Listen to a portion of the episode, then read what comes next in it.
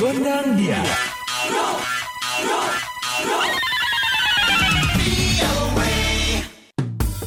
Halo halo Sobat VOA, kembali hadir VOA Gondang Dia bersama Dewi Gemini. Dan Ronan DC pastinya dari Washington. Sobat VOA kali ini ada obrolan bersama Lia Sutrisno yang tinggal di kota Des Moines, Iowa saya adalah seorang marriage and family therapist. Sertifikasi kedua saya itu uh, adalah substance abuse counseling. Jadi saya juga membantu orang-orang yang mempunyai masalah ketergantungan terhadap alkohol dan obat-obatan. Kabarnya Anda kembali ke Amerika dan membuka praktek sendiri. Hmm? Boleh ceritakan? Iya, jadi saya udah beberapa tahun tinggal di Amerika. Pertama saya tinggal di Hawaii, uh, lalu di Virginia, sekarang uh, ikut suami untuk tinggal di Iowa. Uh, waktu saya tinggal di uh, Hawaii dan Virginia, saya biasanya kerja sama orang ya. Maksudnya uh, latar belakang saya saya kerja di rumah sakit, uh, apakah itu rumah sakit private atau rumah sakit militer atau non-profit organization. Tapi begitu saya ada di Iowa, anak juga udah mulai sekolah, saya mikir kayaknya udah saatnya saya buka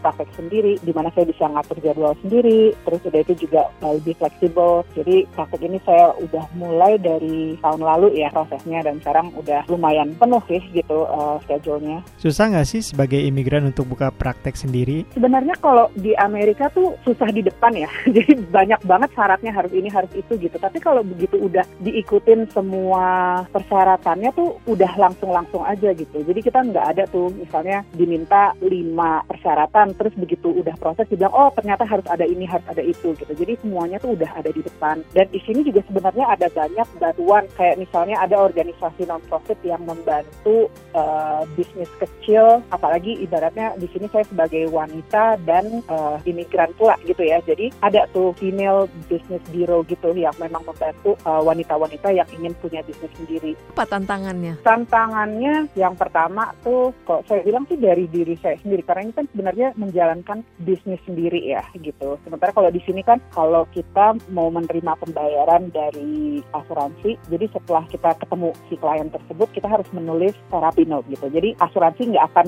memberi bayaran ke kita kalau sebelum note-nya masuk gitu. Jadi saya harus benar-benar istilahnya rajin dan disiplin gitu untuk masukin note ini on time. Karena kalau nggak, ya basically kita nggak ada income ya. Jadi nggak hanya direct contact, tapi sesuatu yang kita kerjakan di belakang layar itu juga sebenarnya banyak gitu kalau kita punya uh, private practice. Terus tantangan kedua, karena saya bukan orang akuntan ya. E, jadi saya agak-agak nggak ngerti nih pemasukan pengeluaran ini buat apa buat apa terus filing pajak itu kan kalau di sini harus hati-hati banget ya kalau kita sampai salah-salah masukin laporan pajak itu nanti bisa diusut yang mendingan saya bayar uh, accountant ya gitu dibanding so-soan mau bikin-bikin sendiri terus nanti malah jadi masalah. Apa suka dukanya? Sukanya ya karena ini bisnis sendiri ya. Um, schedule saya lebih fleksibel dan istilahnya pemasukan juga secara rate jauh jauh lebih besar dibanding kalau kita kerja sama orang gitu rate hourly-nya itu positif banget gitu.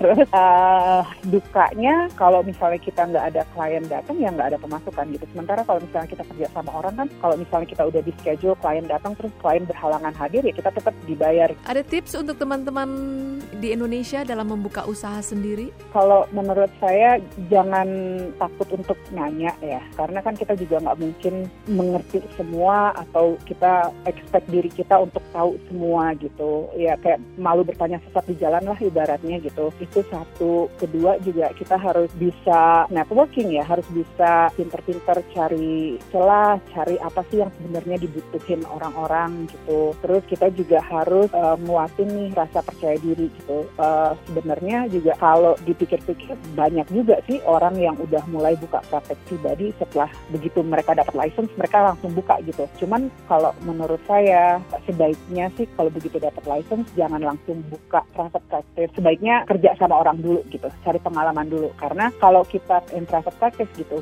kadang-kadang kalau kita nggak disiplin, kita akan jadi complacent. Artinya kita ya ilmunya gitu-gitu aja, kita nggak belajar dari profesi lain, nggak dipaksa belajar hal-hal baru gitu. Jadi emang kita harus nyari sendiri. Itu sih kalau menurut saya, uh, jangan berhenti belajar juga ya.